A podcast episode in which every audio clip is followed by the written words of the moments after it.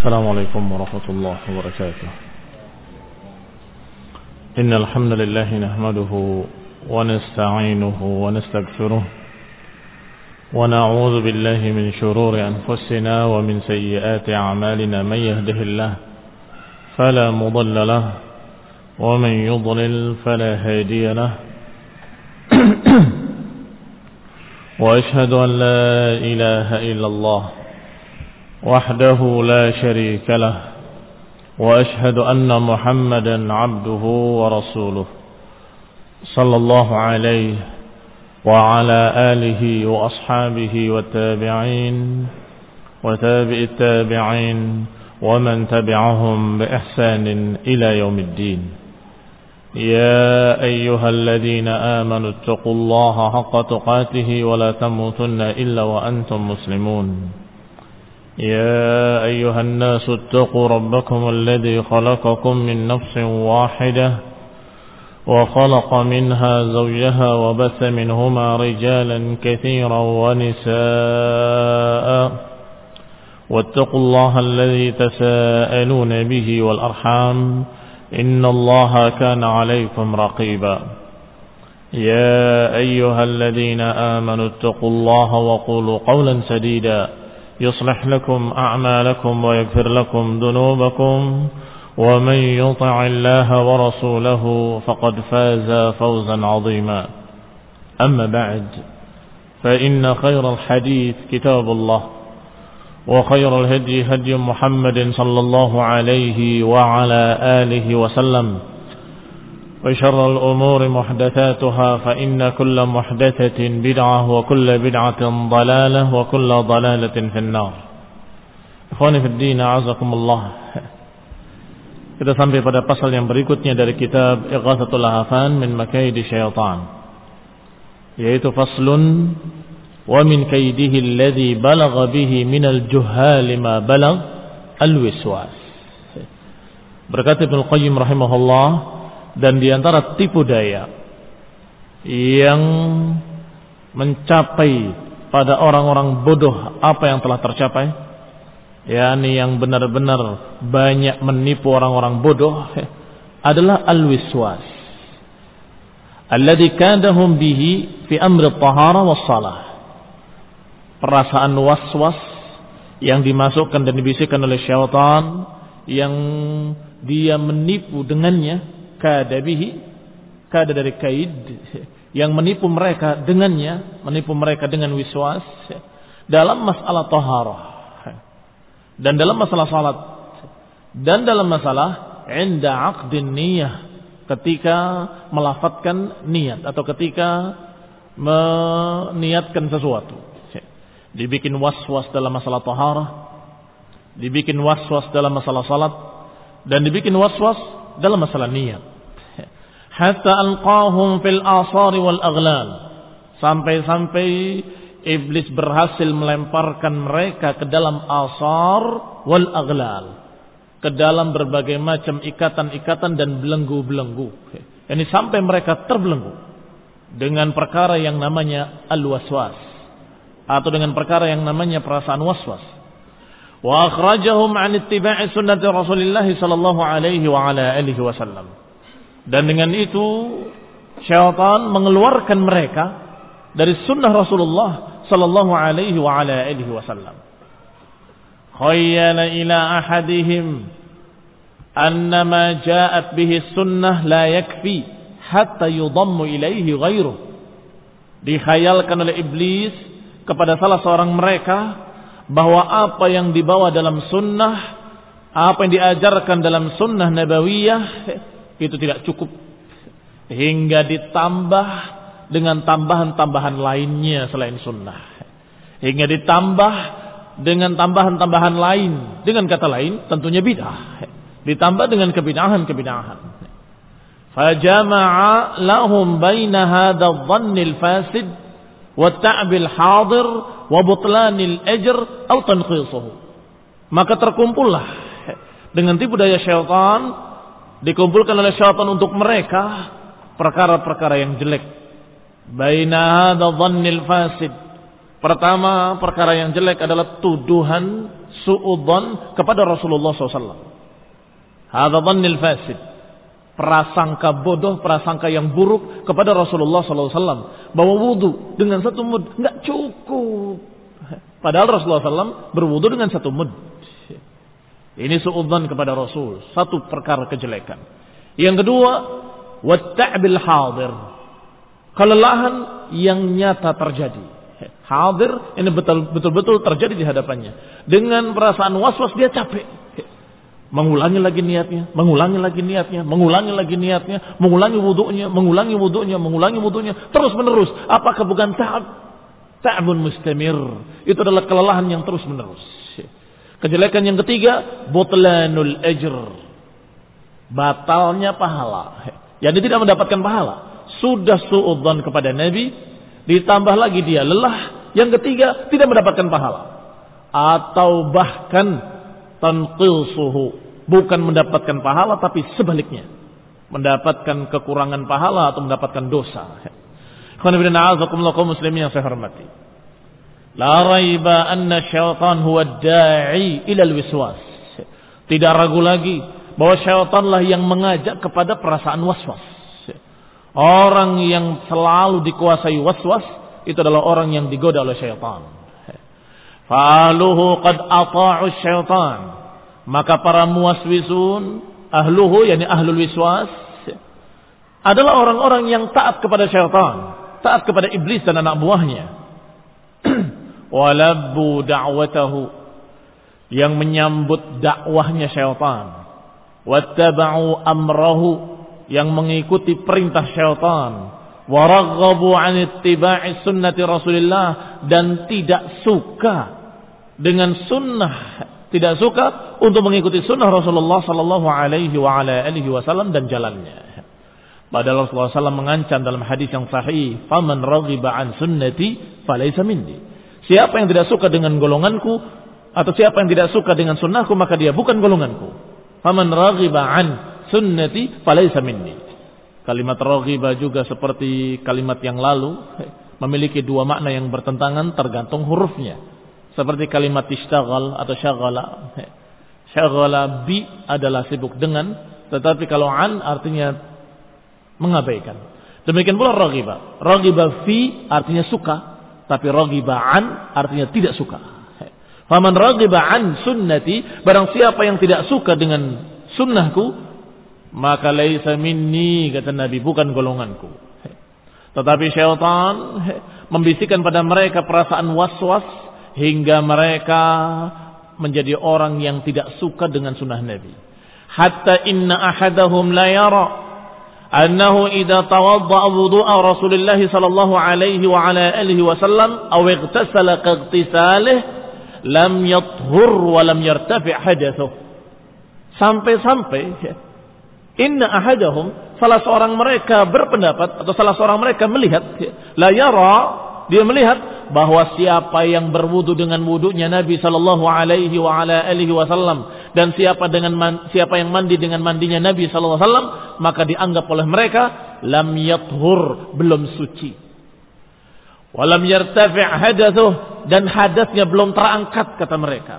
Lihat karena mereka sudah dikuasai oleh waswas maka mereka justru menganggap orang yang berwudu dengan wudunya Nabi atau mandi dengan mandinya Nabi dikatakan dia belum sempurna bersuci dan dia belum hilang hadasnya. Kama yaqulun walaula al-'udhr bil jahli lakana hadha musyaqqah.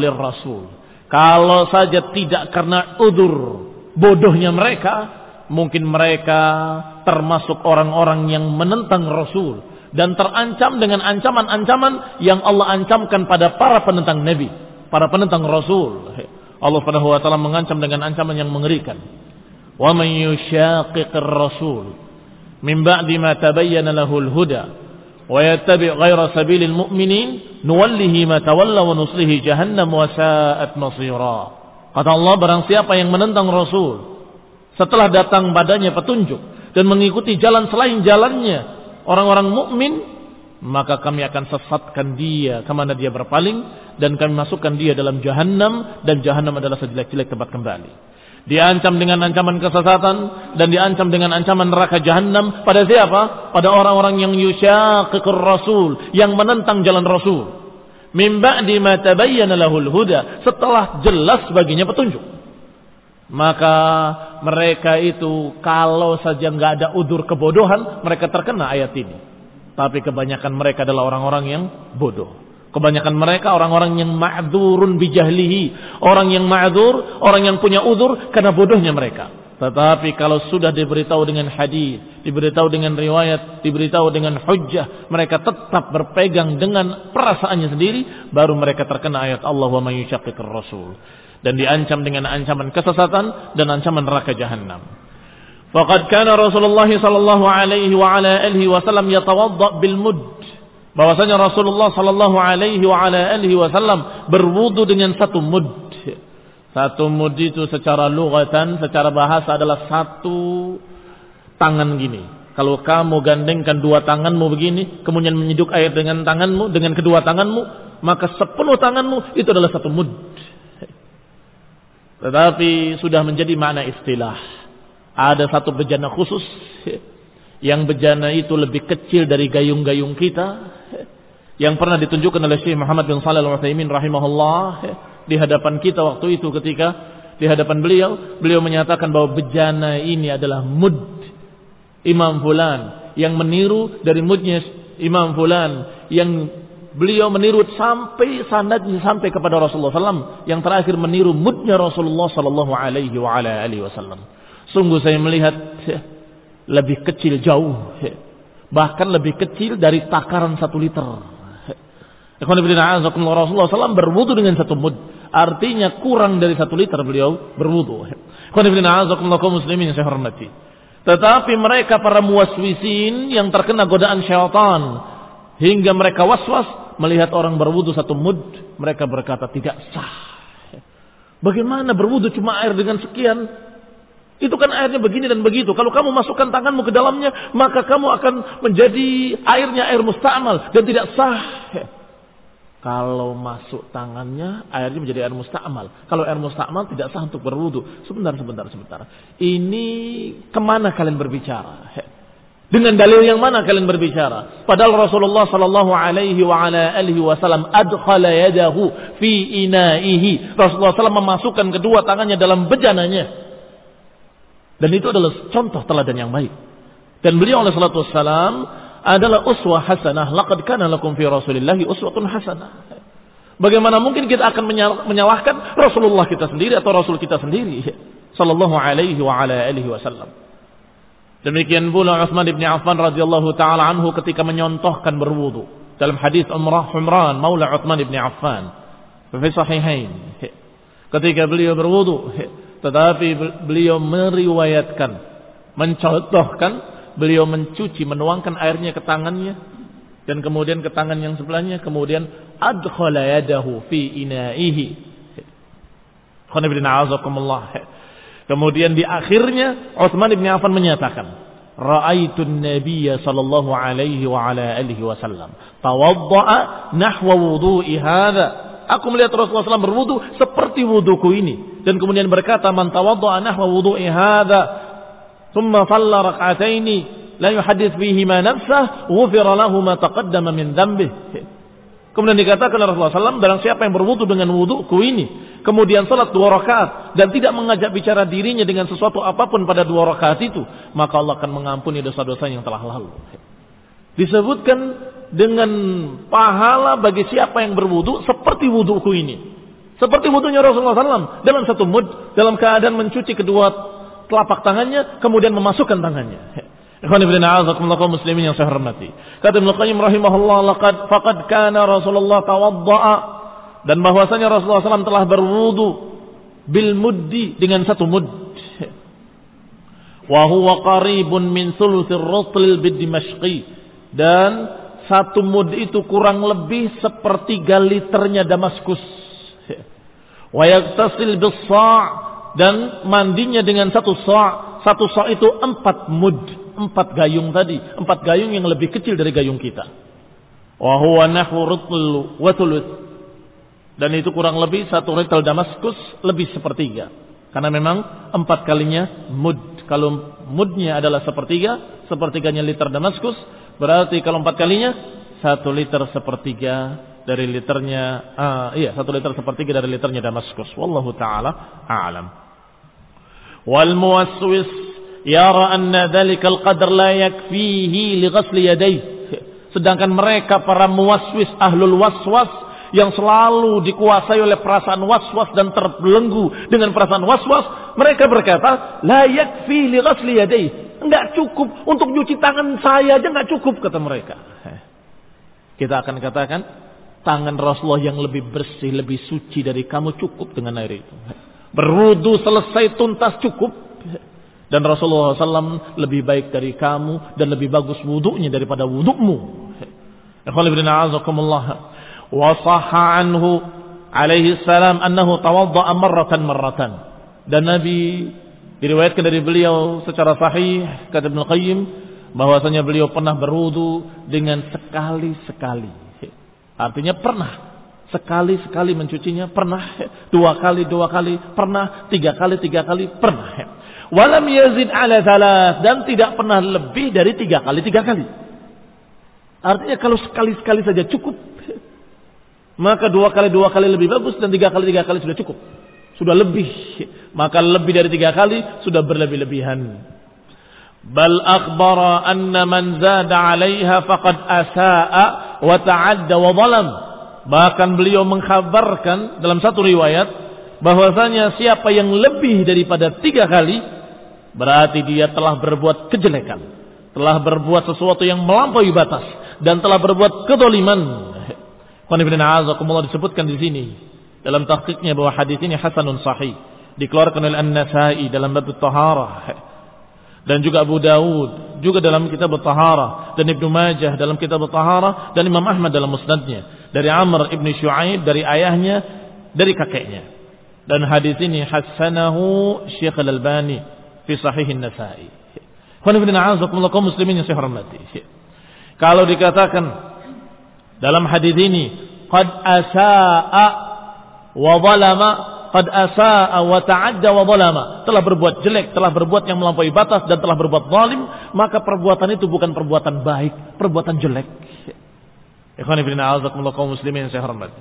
Kita mendapatkan pelajaran dari sini bahwa yang namanya agama ini tidak bisa berlebih-lebihan, nggak bisa berkurang-kurangan, harus pas. Jangan dikira lebih banyak lebih baik. Kalau tiga kali disuruhnya, lima kali lebih bagus. Kalau sepuluh kali lebih bersih lagi, lebih afdal lagi. Kata siapa? Kalau diajarkan oleh Rasulullah SAW, dicontohkan sekali-sekali, dicontohkan dua kali, dua kali, dicontohkan tiga kali, tiga kali. Kemudian Rasulullah menyatakan barang siapa yang lebih, maka dia berlebihan. Barang siapa yang lebih, maka dia berbuat zalim, tidak pada tempatnya. Iqtasid bil ma'wal. Walau janiban nahar kama dalam riwayat-riwayat yang dibicara, diperbincangkan riwayatnya, dikatakan ngiritlah dalam penggunaan air walaupun kamu di pinggir sungai. Fal muwaswis musiun muta'addim zalim. Maka orang yang waswas, orang yang selalu dikuasai oleh perasaan waswasnya, merasa kurang, merasa kurang, merasa kurang, kayak kurang puas, kurang puas, kurang puas, digoda oleh syaitan walhan untuk boros dalam penggunaan air. Maka orang ini musiun muta'addin zalim. Menurut hadis tadi. Berarti orang ini berbuat jelek, orang ini berbuat yang melampaui batas, dan orang ini zalim. Bisyahadati Rasulullah sallallahu alaihi wa ala alihi wasallam. Dengan persaksian dari Rasulullah sallallahu alaihi wa ala alihi wasallam. Faman zada 'alaiha faqad asa'a wa ta'adda wa zalama. Wa kaifa yataqarrab ila Allah bima huwa musii'un muta'addin. Maka bagaimana akan beribadah kepada Allah dengan mengawalinya dengan perbuatan zalim, perbuatan ta'addi, perbuatan jelek, perbuatan yang dikatakan zalim. yakni melampaui batas-batas Allah Subhanahu wa taala. Wa sahha anhu annahu kana yantasil huwa wa Aisyah radhiyallahu taala anha min qas'atin bainahuma fiha atharul ajin. Dan telah sahih pula riwayatnya bahwasanya Nabi Shallallahu alaihi wa ala alihi wasallam mandi bersama istrinya Aisyah dari satu qas'ah, dari satu bejana yang ada di antara keduanya. fiha atharul ajin. Dikatakan waqad sahha, na'am, bahwa ini hadis diriwayatkan dalam hadis yang sahih dalam kitab sahih, yakni sahih Bukhari. Tetapi enggak ada kalimat atharul ajin. Sedangkan kalimat atharul ajin diriwayatkan dalam riwayat An-Nasa'i. Qanibina azakumullah kaum muslimin yang saya hormati. Dalam lafaz Bukhari tidak ada kalimat atharul ajin. Atharul ajin artinya campuran terigu, yakni ada bekas-bekas terigu. Air yang sudah agak putih-putih kena ajin begitu. Tapi itu dalam riwayat lain. Adapun dalam riwayat Bukhari hanya disebutkan dengan satu bejana. Rasulullah SAW dan istrinya satu bejana. Walau ra'al muwaswis man yaf'al hadza la ankara alaihi ghayatul inkar. Kalau saja mereka ahlul waswas, orang-orang yang selalu dikuasai oleh perasaan waswas, niscaya mereka akan berkata dengan pengingkaran-pengingkaran yang keras. Mandi untuk dua orang satu bejana ini. Khonibina azakumullah bejana kecil. Ini disebutkan dalam riwayat-riwayat dikatakan hanya berisi dengan empat sak kurang lebih. Khonibina azakumullah kaum muslimin yang saya hormati. Belum lagi kata mereka. Qala ma yakfi hadzal qadr li ghuslin. Ini untuk mandi satu orang aja nggak cukup kata mereka. Bagaimana liqas lisnain? Bagaimana mandi dua orang dengan satu bejana kecil itu? Kaifa wal ajinu yuhalliluhu al-ma'a fayughayyiruhu? Bagaimana kamu mandi dari satu air yang ada bekas-bekas terigu yang akhirnya merubah air tadi dari air tahir menjadi air yang ghairu mutahhir. Ya dipakai istilah-istilah mutakhirin. Ada air yang tahir, ada tahir mutahhir, ada tahir ghairu mutahhir. Ini walaupun tahir tapi ghairu mutahhir katanya. Walaupun suci, tapi tidak mensucikan. Ada yang suci dan mensucikan, ada yang suci tapi tidak mensucikan. Ini air yang suci tapi tidak mensucikan karena sudah berubah warnanya katanya. Sudah berubah dengan ajin. Padahal hadis ini diriwayatkan dalam riwayat yang sahih walaupun bukan dalam Bukhari. Dalam riwayat-riwayat lain, apakah dalam Musnad Imam Ahmad, Ibnu Majah dan Nasai rahimahumullahu ajma'in. Wa hadza Warasyasu yanzil fil ma. Belum lagi, masih kata mereka ini. Belum lagi nanti rasyas, cipratan-cipratan airnya akan masuk ke bejana itu. Kalau masuk ke bejana itu, nanti akan merubah lagi air itu. Menjadi air yang tercampur dengan air musta'mal. Fayunajisuhu inda ba'dihim wa yufsiduhu inda akharin. Akan menajiskan, kata sebagian mereka, dan kata sebagian lain bukan menajiskan, tetapi merusak katanya. Ikhwan ibn a'azakumullah ala ikhtilafin bainahum. Ada perselisihan di kalangan mereka, tapi sama-sama menyatakan nggak boleh karena ada cipratan airnya masuk ke bejana lagi. Kalau cipratan airnya masuk ke bejana lagi, maka air itu menjadi berubah. Kalau air itu sudah berubah menjadi musta'mal, maka ghairu mutahhir, tidak bisa mensucikan. Kita tanya, kamu mendengar riwayat Rasulullah SAW mandi dengan Aisyah dari satu bejana? Dan dalam riwayat yang selain Bukhari disebutkan ada asarul ajin, ada bekas terigu di dalamnya. Hah? Bagaimana? Apakah tidak mungkin kena cipratan ketika mandi? Ini yang namanya ahlul waswas. Orang yang berlebih-lebihan. Padahal dikatakan secara ijma' oleh para ulama. Al-ma'u tahurun la yunajisuhu syai' illa in taghayyara ta'muhu wa launuhu ta'muhu wa launuhu wa rihuhu binajasatin. Yang namanya air suci tidak akan bisa jadi najis, nggak akan bisa berubah, nggak akan bisa menjadi air yang tidak bisa dipakai wudhu kecuali kalau berubah warnanya, rasanya dan baunya binajasatin. Ingat kalimat binajasatin. Kalau berubah warna saja masih bisa dipakai. Air yang sudah agak coklat di sungai tertentu bisa dipakai wudhu selama itu mengalir. Atau air yang laut yang kadang-kadang tidak tidak bening boleh dipakai wudhu. Ikhwan ibn kaum muslimin yang saya hormati. Tetapi yang dimaksud taghayyara launuhu, berubah warnanya, berubah rasanya dan berubah baunya binajasatin. Kalau berubah baunya menjadi bau najis atau berubah warnanya jadi warna najis atau berubah rasanya jadi rasa najis, baru dikatakan air itu tidak bisa dipakai. Al-ma'u tahurun la yunajjisuhu syai'. Di dalam hadis bi'r budha'ah dibahas panjang lebar dalam masalah itu. Kau muslimin yang saya hormati. Kembali kepada ucapan Ibnu Qayyim rahimahullah. Wa qala mereka akan berkata para ahlul waswas orang-orang yang dibelenggu perasaan waswas kata mereka air itu kena cipratan maka air menjadi rusak atau air itu menjadi najis. Fala tasihhu bihi taharah maka tidak sah taharah kata mereka Wa kana sallallahu alaihi wa ala alihi wasallam yaf'al dzalika ma'a ghairi Aisyah. Padahal Nabi melakukan yang demikian mandi dengan Aisyah dalam satu bejana ini bukan sekali itu saja. Pernah juga bersama istri-istri yang lain, pernah bersama Maimunah, pernah bersama Ummu Salamah. Wa hadza kulluhu bis sahih dan semua itu diriwayatkan dalam kitab-kitab sahih. Diriwayatkan dalam hadis-hadis yang sahih. Di antaranya riwayat tentang Maimunah, Rasulullah SAW dengan istrinya Maimunah. Disebutkan hadisnya akhraja an-Nasai. Dalam kitab Taharah. Juga oleh Ibnu Majah dan Imam Ahmad. Dari Mujahid dari Ummu Hani. Wa fihi iqtisalun Nabi ma'a Maimunah. Di sana diriwayatkan mandinya Nabi dengan Maimunah. Fi qas'atin dalam satu bencana fiha asarul ajin. Yang padanya ada bekas uh, gandum yang sudah lembut ada bekas terigu atau sejenis terigu. muslimin yang saya hormati. Berarti di sini Rasulullah SAW melakukannya dan itu contoh teladan yang baik dalam artian kita tidak menyatakan bahwa itu tidak sah.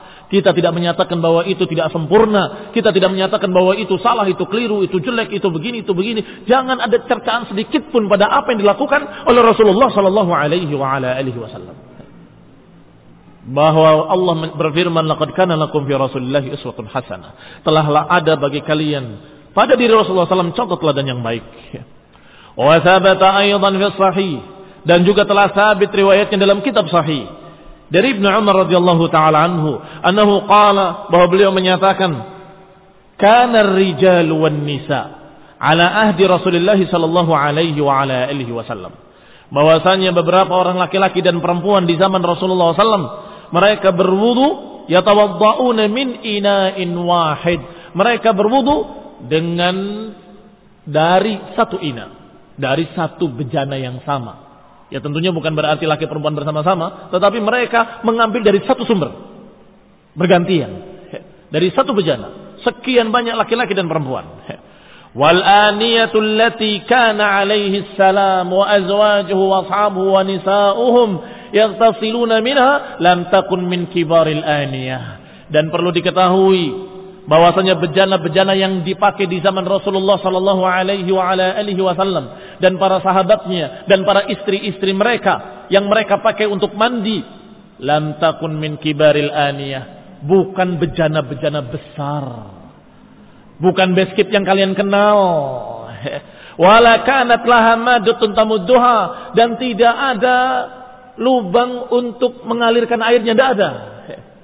Bejana-bejana di zaman Rasulullah SAW, bejana-bejana bukan bejana besar, bejana yang kecil, yang hanya beberapa mud saja. Kemudian juga yang kedua, tidak ada mada tamuduha ka'anbubil hammam. Tidak ada sesuatu lubang yang mengalirkan airnya seperti umbubul hammam, seperti keran-keran di kamar mandi kamar mandi atau seperti pancuran-pancuran yang kalian punya di padasan-padasan, tidak seperti. Berarti mau ngambilnya bagaimana? Hah? Mereka mengambil air dari bejana tadi seperti apa? Kalau digambarkan bejananya seperti padasan, tinggal dibuka tutupnya, memancar airnya. Aman airnya nggak ada air musta'mal kan begitu. Tetapi di zaman Nabi tidak begitu bejananya dan mereka mengambil dengan tangan mereka. Mereka mengambil dengan tangan mereka. Bergantian berapa tangan yang masuk? Dan itu tidak menajiskan air dan tidak menjadikan air itu tidak sah untuk dipakai. Walam yakunu yura'una hatta yajri al-ma' min hafatiha. Dan juga mereka tidak berupaya untuk menuangkan fayudanaha ini menunggu dituangkan hatta yajri al-ma' min hafatiha hingga air itu mengalir dari tepi-tepinya juga tidak. Berarti tidak memakai gayung, tidak ada lubangnya seperti padasan, seperti keran, dan tidak pula mereka memiringkan bejana itu untuk mengambil dari sisinya. Tidak. Kama yura'ihil juhalan nas mimman yalil wiswas. Tidak seperti mereka-mereka dari kebanyakan orang-orang bodoh yang mereka dikuasai oleh perasaan was-was fi jarnil hammam sudah memakai keran di hammam mereka ini umbub ya keran tidak mesti seperti sekarang dulu ya, adalah seperti pada san itu hanya dilubangi saja kemudian ditutup ya. maka ketika lubangnya dibuka memancar mereka dalam keadaan sudah airnya memancar seperti itu masih ragu tadi saya ketika berwudu airnya uh, muncrat ke mana-mana Jangan-jangan ada yang muncul lagi ke tangan saya lagi. Berarti air yang pakai saya pakai bercampur dengan air musta'mal. Balik lagi. Wudhu lagi. Begitu lagi perasaannya. Wudhu lagi. Kembali lagi. Mereka dikuasai oleh perasaan was-was ala ta'bin mustamir. Terus dengan kelelahan yang terus menerus. kaum muslimin yang saya hormati. Dalam keadaan mereka para sahabat berwudu jadi satu bejana. Dari bejana Rasulullah sallallahu alaihi wa ala alihi wasallam dan itu mukjizah mujizat Rasulullah SAW dipakai oleh sekian banyak orang tidak habis. Fahada fahaju Rasulullah sallallahu alaihi wa ala alihi wasallam.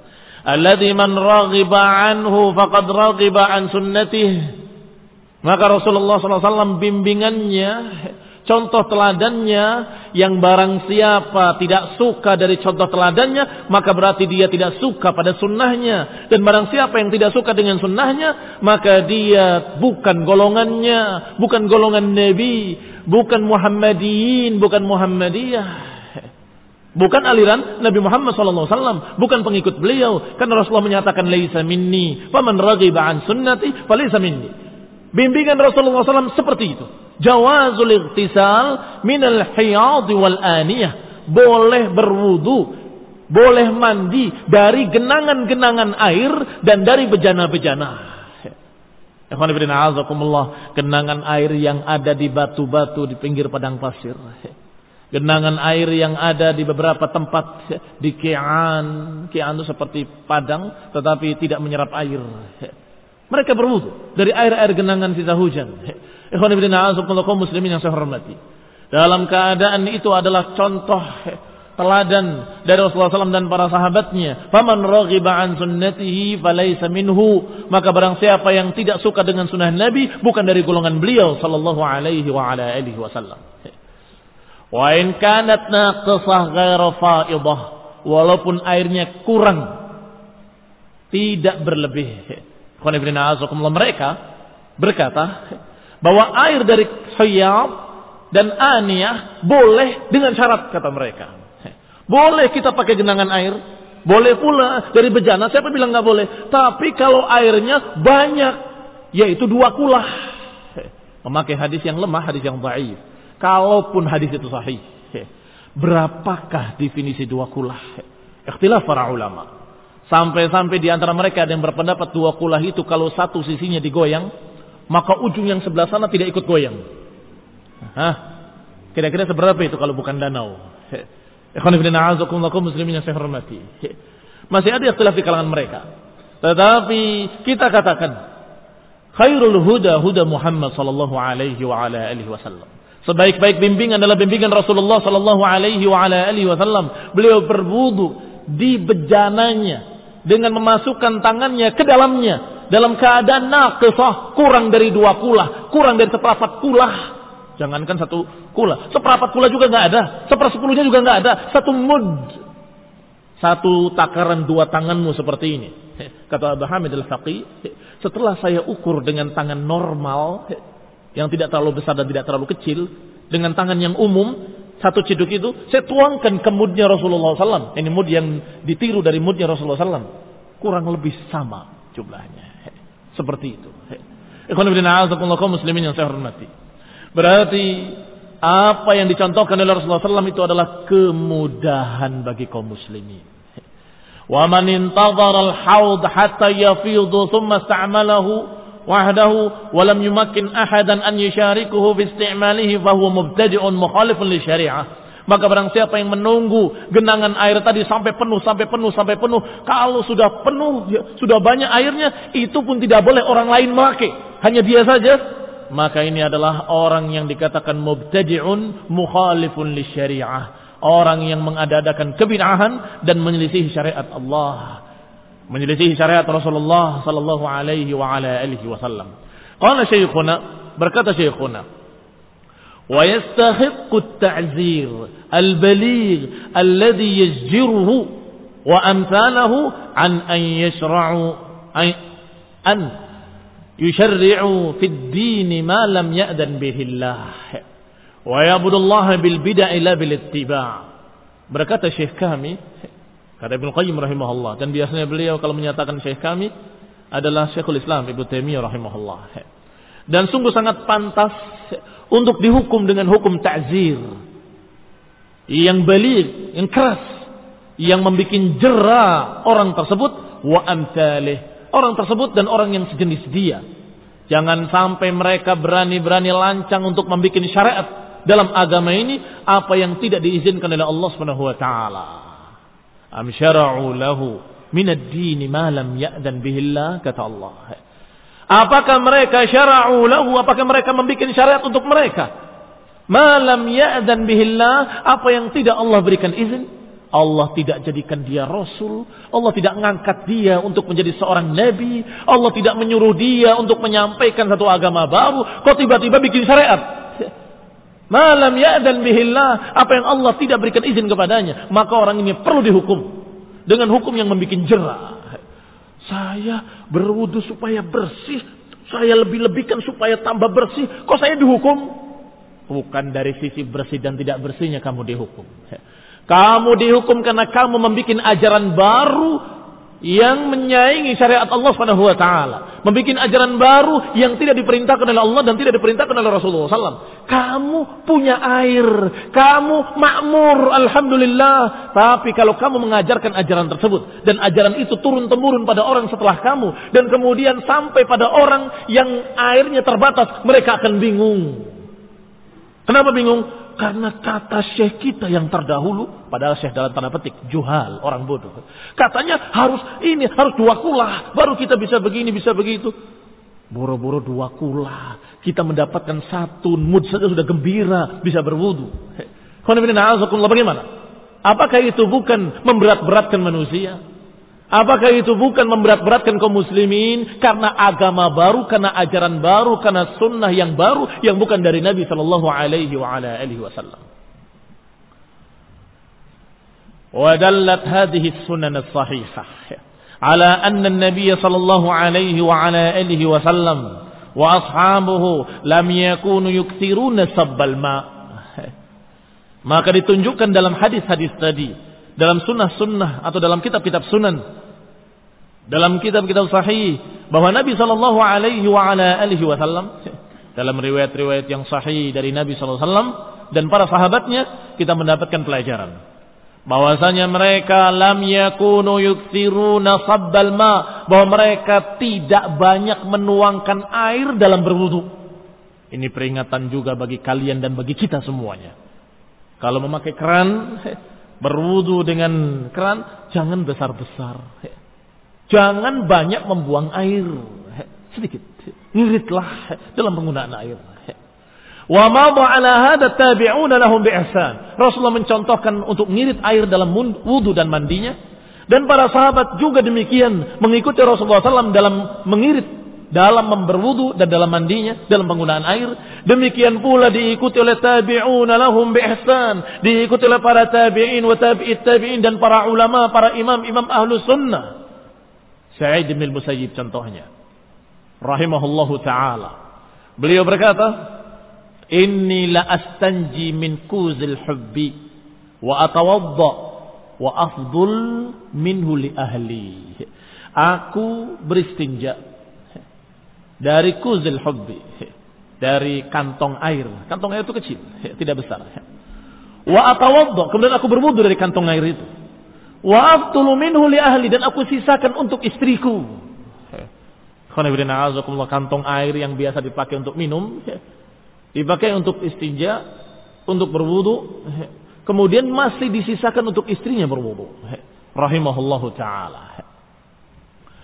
Wa Imam Ahmad rahimahullah setelah saya Ibn Musayyib juga menyatakan min fiqhir rajul qillatu wulu'ihi bil ma' termasuk fikihnya seseorang kalau dia sedikit dalam penggunaan air. Artinya Imam Ahmad melihat kalau orang itu boros dalam penggunaan air dikatakan orang itu tidak faqih. Min fiqhir rajul bahwa fikihnya seseorang akan terlihat ketika dia berwudu, ketika dia mandi, ketika dia menggunakan air. Kalau qillatu wulu'ihi bil ma, kalau sedikit dalam penggunaan air, maka orang itu orang yang faqih, orang yang mengerti hukum-hukum sunnah, mengerti syariat Allah Subhanahu wa taala. Wa qala al-Marwazi, berkata Marwazi, dan Marwazi adalah tokoh murid yakni salah seorang murid Imam Ahmad yang terkenal Qala wadda'tu Aba Abdullah. Aku pernah mempersiapkan wudu untuk Abu Abdullah. Yani Imam Ahmad. Rahimahullahu ta'ala. Bil askar. Di daerah askar. Fasatartuhu. Maka aku tutupi beliau. Minan nas dari manusia. Lialla yaqulu innahu la yuhsinul wudu liqillati sabatil ma' Aku halangi beliau, aku tutupi agar orang-orang nggak melihat Imam Ahmad ketika berwudu. Kenapa? Kata Al-Marwazi, aku khawatir manusia-manusia yang bodoh akan berkata bahwa dia la yuhsinul wudu. Imam ini nggak benar wudunya. Kenapa? Liqillati sabbihi alma. Karena sedikitnya penggunaan beliau terhadap air. Karena sedikitnya tuangan beliau terhadap air. Karena fakihnya Imam Ahmad. Karena mengerti sunnah. Karena membaca riwayat-riwayat Rasulullah SAW berwudu dengan mud. Tetapi Marwazi khawatir masyarakat akan berprasangka yang salah. Maka dia tutupi. Ini di Askam. Di tempat uh, kemah-kemahnya tentara atau kemah-kemahnya para mujahidin. muslimin yang saya hormati. Dikatakan wakana Ahmad yatawadda fala yakad yubillu thara. Kata Al-Marwazi, sungguh beliau, Imam Ahmad berwudu, hampir-hampir tidak membasahi tanah. Basah, bukan tidak basah sama sekali, tapi karena sedikitnya yang basah, dikatakan hampir-hampir nggak membasahi tanah. Karena sedikitnya dalam penggunaan air. Ikhwan muslimin yang saya hormati. Wudunya Rasulullah SAW demikian. Wudunya para sahabat demikian. Wudunya Sa'id ibn Musayyib juga demikian. Wudunya Imam Ahmad juga demikian. Rahimahumullah. Wa anhu alaihi salatu wassalam fi sahih. Annahu tawadda min ina'in fa adkhala yadahu fihi. Thumma tamadmada wastanshaqa. Dan telah sabit riwayatnya dalam kitab sahih. Bahwasanya beliau alaihi salatu wassalam berwudu dari bejana Beliau memasukkan tangannya ke dalamnya. Kemudian beliau berkumur-kumur dan beliau beristinsyak. Memasukkan air ke hidung dan mengeluarkannya kembali. Syahid yang dimaukan oleh Ibnu Qayyim adalah kalimat adkhala yadahu, memasukkan tangannya. Berarti memasukkan tangannya ke dalam bejana tidak menjadikan bejana tadi menjadi mustakmal airnya tidak menjadikan air tersebut air mustakmal yang ghairu mutahhir yang akhirnya tidak bisa dipakai untuk bersuci. Kata siapa? Ikhwan hanya saja ada catatan dalam riwayat itu. Bahwa riwayat itu diawali sebagaimana riwayat Humran Maula Uthman ibn Affan diawali dengan mencuci tangannya sebelum memasukkannya ke dalam bejana. Ini catatan penting. Tidak langsung kotor-kotor dimasukkan ke dalam bejana. Tetapi Beliau mencuci telapak tangannya kedua-duanya. Fa'afragha ala dadaihi faghasalahuma thalatha marratin. Demikian lafadznya. Beliau menuangkan airnya ke kedua telapak tangannya dan mencucinya tiga kali. Humma adhola. Kemudian memasukkan tangannya ke dalamnya.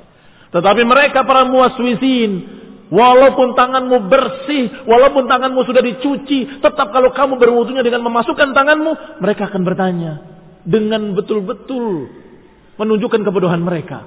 Loh, apa enggak jadi mustakmal airnya? Itu kan kurang dari dua kulah. Wallahi ini terjadi ketika saya berwudu di tengah jalan dalam satu safar. Yang ternyata masjid tersebut adalah masjid yang dipakai juga oleh beberapa santri-santri di pondok tersebut. Mereka semuanya kebingungan. Dan mereka nonton kita berwudu di gayung. Nonton seperti tontonan. Mereka memandang dengan bengong. Sampai kemudian ada yang berani bertanya. Apa itu enggak mustakmal jadinya? Kamu masukkan air ke dalam gayung tadi. Bagaimana kita jawab orang-orang yang seperti ini? Kasihan. Kalau saja mereka mau memahami hadis dari Humran Maula Utsman bin Affan ketika dia melihat bagaimana Utsman bin Affan berwudu dan kemudian Utsman berkata bahwasanya aku melihat Rasulullah SAW berwudu seperti wuduku ini dalam keadaan mencuci ketelapak tangannya dan adkhala yadahu fi inai thumma tamadmada wastanshaqa wastanzara muslimin saya hormati. Dalam riwayat dikatakan adkhala yaminahu, memasukkan tangan kanannya saja. Dan kemudian tamadmada wastanshaqa wastanthara. Kaum muslimin yang saya hormati. Dalam riwayat yang sahih ini dikeluarkan oleh Imam Bukhari dari Uthman bin Affan radhiyallahu taala anhu terbukti bahwa Rasulullah SAW memasukkan tangannya ke dalam bejana. Wa kadzalika kana fi ghaslihi yudkhil yadahu fil ina. Demikian pada mandinya beliau fi ghuslihi bahwa mandinya beliau juga yudkhil yadahu, juga beliau memasukkan tangannya dalam bejana. Wa yatanawal ma minhu dan mengambil air dengan tangannya dari bejana untuk mandi. Wal muwaswis la yujawwiz dzalik. Adapun para ahlul wiswas, para orang-orang yang dikuasai perasaan waswas, mereka dalam keadaan betul-betul ketakutan. Walam yujawwiz dzalik dan tidak membolehkan yang demikian. Tidak boleh begini. Ini nggak sah, nggak terangkat najisnya, nggak terangkat hadatnya, dan air itu menjadi mustamal. Air itu menjadi air yang ghairu mutahhir dan seterusnya.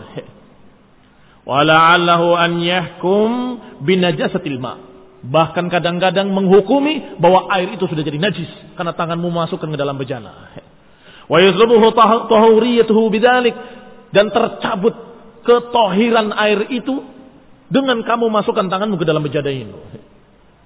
Kita jawab dengan mudah bahwa Nabi masukkan bejana, mentau tangannya ke dalam bejana, enggak menajiskan. Nabi memasukkan tangannya ke dalam bejana dan berwudu, sah wudunya. Nabi sebagai contoh teladan kita melakukan demikian, berani kamu mengatakan bahwa Nabi wudunya tidak sah dan mandinya tidak sah dan air yang dipakai sudah menjadi air mustamal, air yang dikatakan ghairu mutahhir, tahir ghairu mutahhir. Berani kalian mengatakan demikian kepada hadis Rasulullah atau kepada perbuatan Rasulullah sallallahu alaihi wa ala alihi wasallam? Permasalahannya ada, adalah pada satu masalah. Waswasah. Waswas yang dibisikkan oleh oleh syaitan kepada dirinya. Kamu itu belum bersih, kamu itu belum suci, kamu itu belum sempurna, kamu itu, kamu itu, kamu itu. Ulangi lagi, ulangi lagi, ulangi lagi dan terus demikian. Wabil jumlati fala nafsuh. Secara ringkas bahwa mereka tidak puas jiwanya kalau melihat orang berwudu dengan wudu yang sunnah nggak puas jiwanya kalau melihat ittiba'i Rasulullah sallallahu alaihi wa ala alihi wasallam. Kalau melihat orang yang mengikuti sunnah Rasulullah sallam, mereka nggak puas. Wa an ya'tiya bimithli ma utiya bihi abadan dan mereka tidak puas dengan orang yang mendatangkan seperti apa yang dibawa oleh Rasulullah sallam selama-lamanya. Nggak pernah mereka puas dengan apa yang dikerjakan dalam sunnah-sunnah Nabi. Wa kaifa yutawi'ul muwaswis nafsuhu. An yaghtasil huwa وامرأته من إناء واحد. قدر الفرق قريبا من خمسة أرطال بالدمشقي. يغمسان أيديهما فيه ويفرغان عليهما فالموسوس يشمئز من ذلك. Maka dikatakan bagaimana akan puas perasaan para ahlul waswas.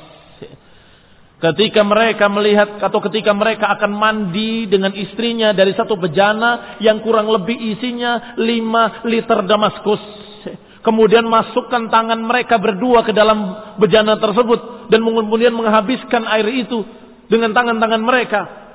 Niscaya mereka enggak akan puas hatinya. Bahkan bukan hanya tidak puas, fal muwaswis yasma'izu min dalik. Mereka para ahlul waswas merinding melihatnya. Hi, begitu. Kamu begitu cara mandinya. Hi, nggak bersih, kotor, hi, menjijikkan kata mereka. Kama yasma'izul musyrik idza dzukirallahu wahdahu. Seperti orang musyrikin yang kalau disebut nama Allah Subhanahu wa taala isma'azza. Sungguh mereka ketika disebut nama Allah merinding hati mereka. Orang musyrikin. Ternyata para muaswisin ketika disebut sunnah Nabi dalam berwudu merinding mereka. Ih, masa iya begitu? Merinding. Innalillah wa inna ilaihi. Kenapa? Kok seperti itu? Padahal kaum muslimin secara fitrah mengikuti Rasulullah SAW. Muslimin secara fitrah suka, cinta dengan Nabi. Kaum muslimin secara aslinya hati mereka, mereka senang dengan ajaran Rasulullah. Karena itu mereka menjadi muslimin. Tapi kenapa ketika diajarkan satu syariat, wudhunya Rasulullah, kenapa mereka kemudian jadi merinding, menjijikkan katanya. Astagfirullahaladzim. Bukankah contoh teladan kalian adalah Rasulullah? Bukankah contoh teladan kita adalah Rasulullah? Bukankah Allah berfirman, "Laqad kana lakum fi Rasulillahi uswatun hasanah"? Bukankah Allah berfirman, "Ma rasulu fakhuduhu"? Apa yang dibawa oleh Rasul pada kalian ambillah. Bukankah Allah Subhanahu wa taala menyatakan demikian, "Atiiu Allah wa atiiur Rasul"? Kenapa ketika dicontohkan masalah taharah, kalian kemudian membuang mukanya, merasa jijik dan mengatakan dengan cercaan-cercaan, astagfirullahaladzim.